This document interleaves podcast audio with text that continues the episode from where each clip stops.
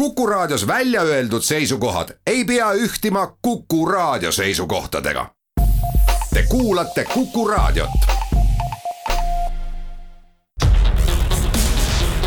teadus teab. teadus teab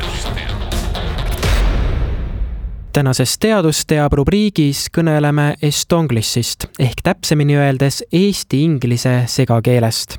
kuulame hakatuseks näidet, mis on pärit ühe noore Eesti Youtuberi videost no nii, let's get this party started.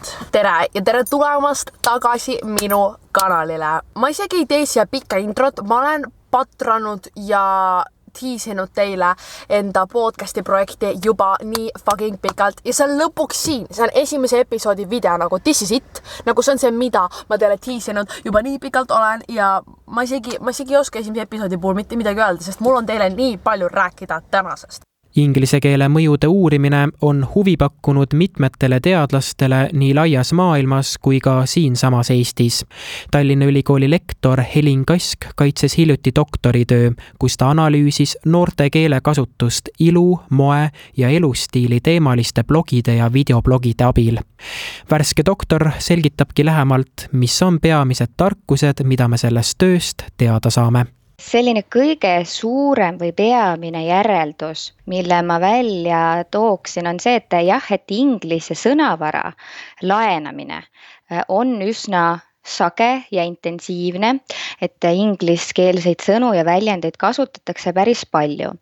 samas, kui me vaatame laiemalt äh, keele, keele mõttes erinevaid valdkondi, näiteks äh, ortograafia, morfoloogia, süntaks, siis tegelikult äh, me näeme seda, et need muudatused on peamiselt just seotud sõnavaraga.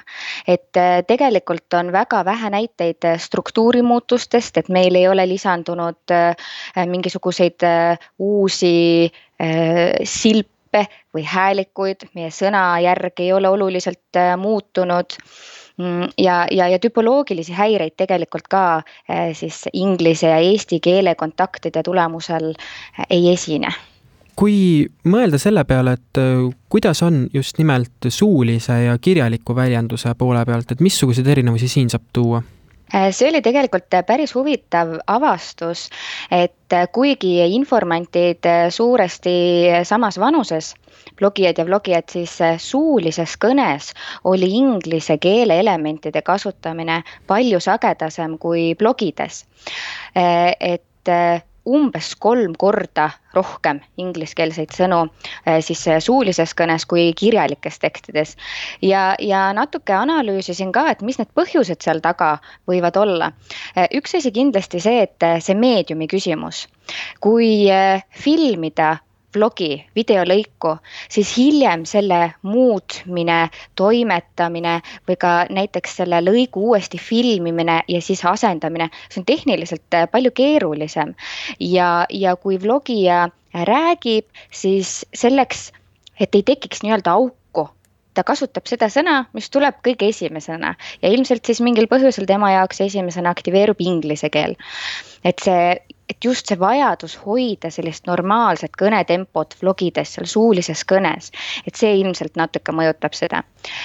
teiseks see, et blogides, kirjalikus meediumis peab mõtlema selle peale, et kuidas ma seda inglise sõna nüüd kirjutama peaksin. esiteks selle sõna ingliskeelne kirjapilt, et et inglise keeles on ju selles mõttes natuke keerulisem, et alati hääldus ja kirjapilt ei lange kokku.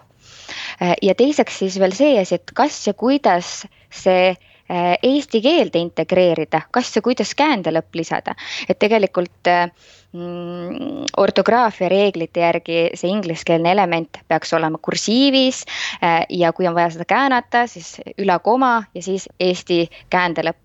et, et ka need küsimused võivad seal mõjutada seda, miks võib-olla blogides on, on vähem neid ingliskeelseid elemente.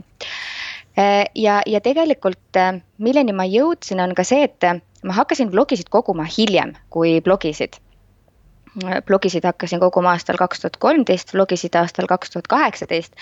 et mulle tundub, et seal võib olla äh, ka väike nihe juba siis äh, selles suunas, et äh, noorem põlvkond on võib-olla inglise keelega rohkem sina peal ja, ja tunnevad end inglise keelt kasutades vabamalt ja, ja, ja mugavamalt ja võib-olla teevad seda ehk julgemini kui, kui, kui blogijad kuidas on selliste otsetõlgetega, et, et öeldakse, et see on siis minu tassike teed või on ka, olen isegi kuulnud väljendit näiteks, et hoidke oma hobuseid, et kui palju sellist otsetõlke kasutamist on? Jaa, selle kohta oli äh, päris mitmeid näiteid ja, ja need mulle ka väga pakkusid äh, huvi. just sellised äh, tähenduse kopeerimised, et meil on ingliskeelne väljend, aga me võtame tegelikult, laename sellest ainult selle tähenduse.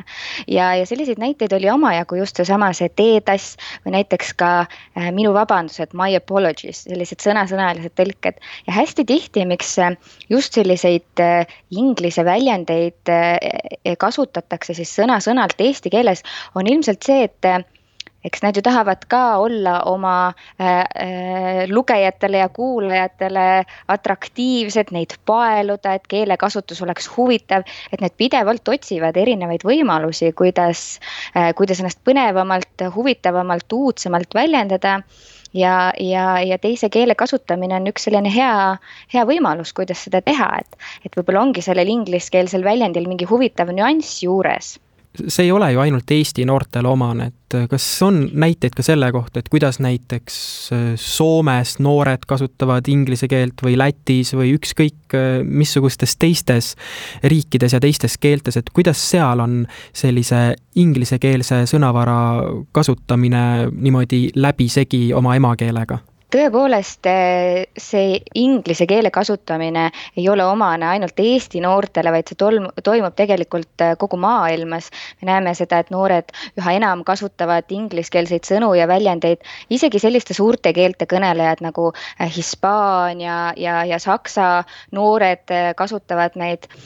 kuigi minu doktoritöösse see ei jõudnud, siis ühe dokt-, ühe teise doktorandiga Tallinna Ülikoolist me tegelikult võrdlesime Eesti ja Läti eh, vlogijaid ja, ja vaatasime siis, võrdlesime vastavalt äh, inglise elementide kasutust eesti ja läti keeles ja, ja tegelikult tuli välja, et äh, need on üsna ühesugused, need, need näitajad, need põhjused et selles mõttes ei, ei ole jah põhjust siin karta või muretseda, et see oleks midagi nüüd ainult Eestis Eestile omane, et see tegelikult tõepoolest äh, kogu maailmas me võime selle kohta äh, näiteid, äh, näiteid leida ja, ja tegelikult Soomes, Soomes samamoodi, et kindlasti olekski ka väga huvitav võrrelda näiteid eesti ja soome keele kohta, kuna tüpoloogiliselt eesti ja soome keel on väga sarnased.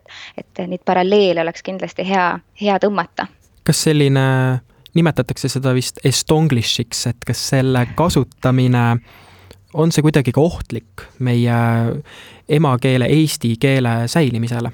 Äh, mina ütleks nii, et äh, millal sellised asjad saavad ohtlikuks, on siis ikkagi, kui hakkavad muutuma inimeste hoiakud ja arvamused. aga praegu mulle tundub, et, et selline keele säilimine on eelkõige seotud inimeste identiteediga.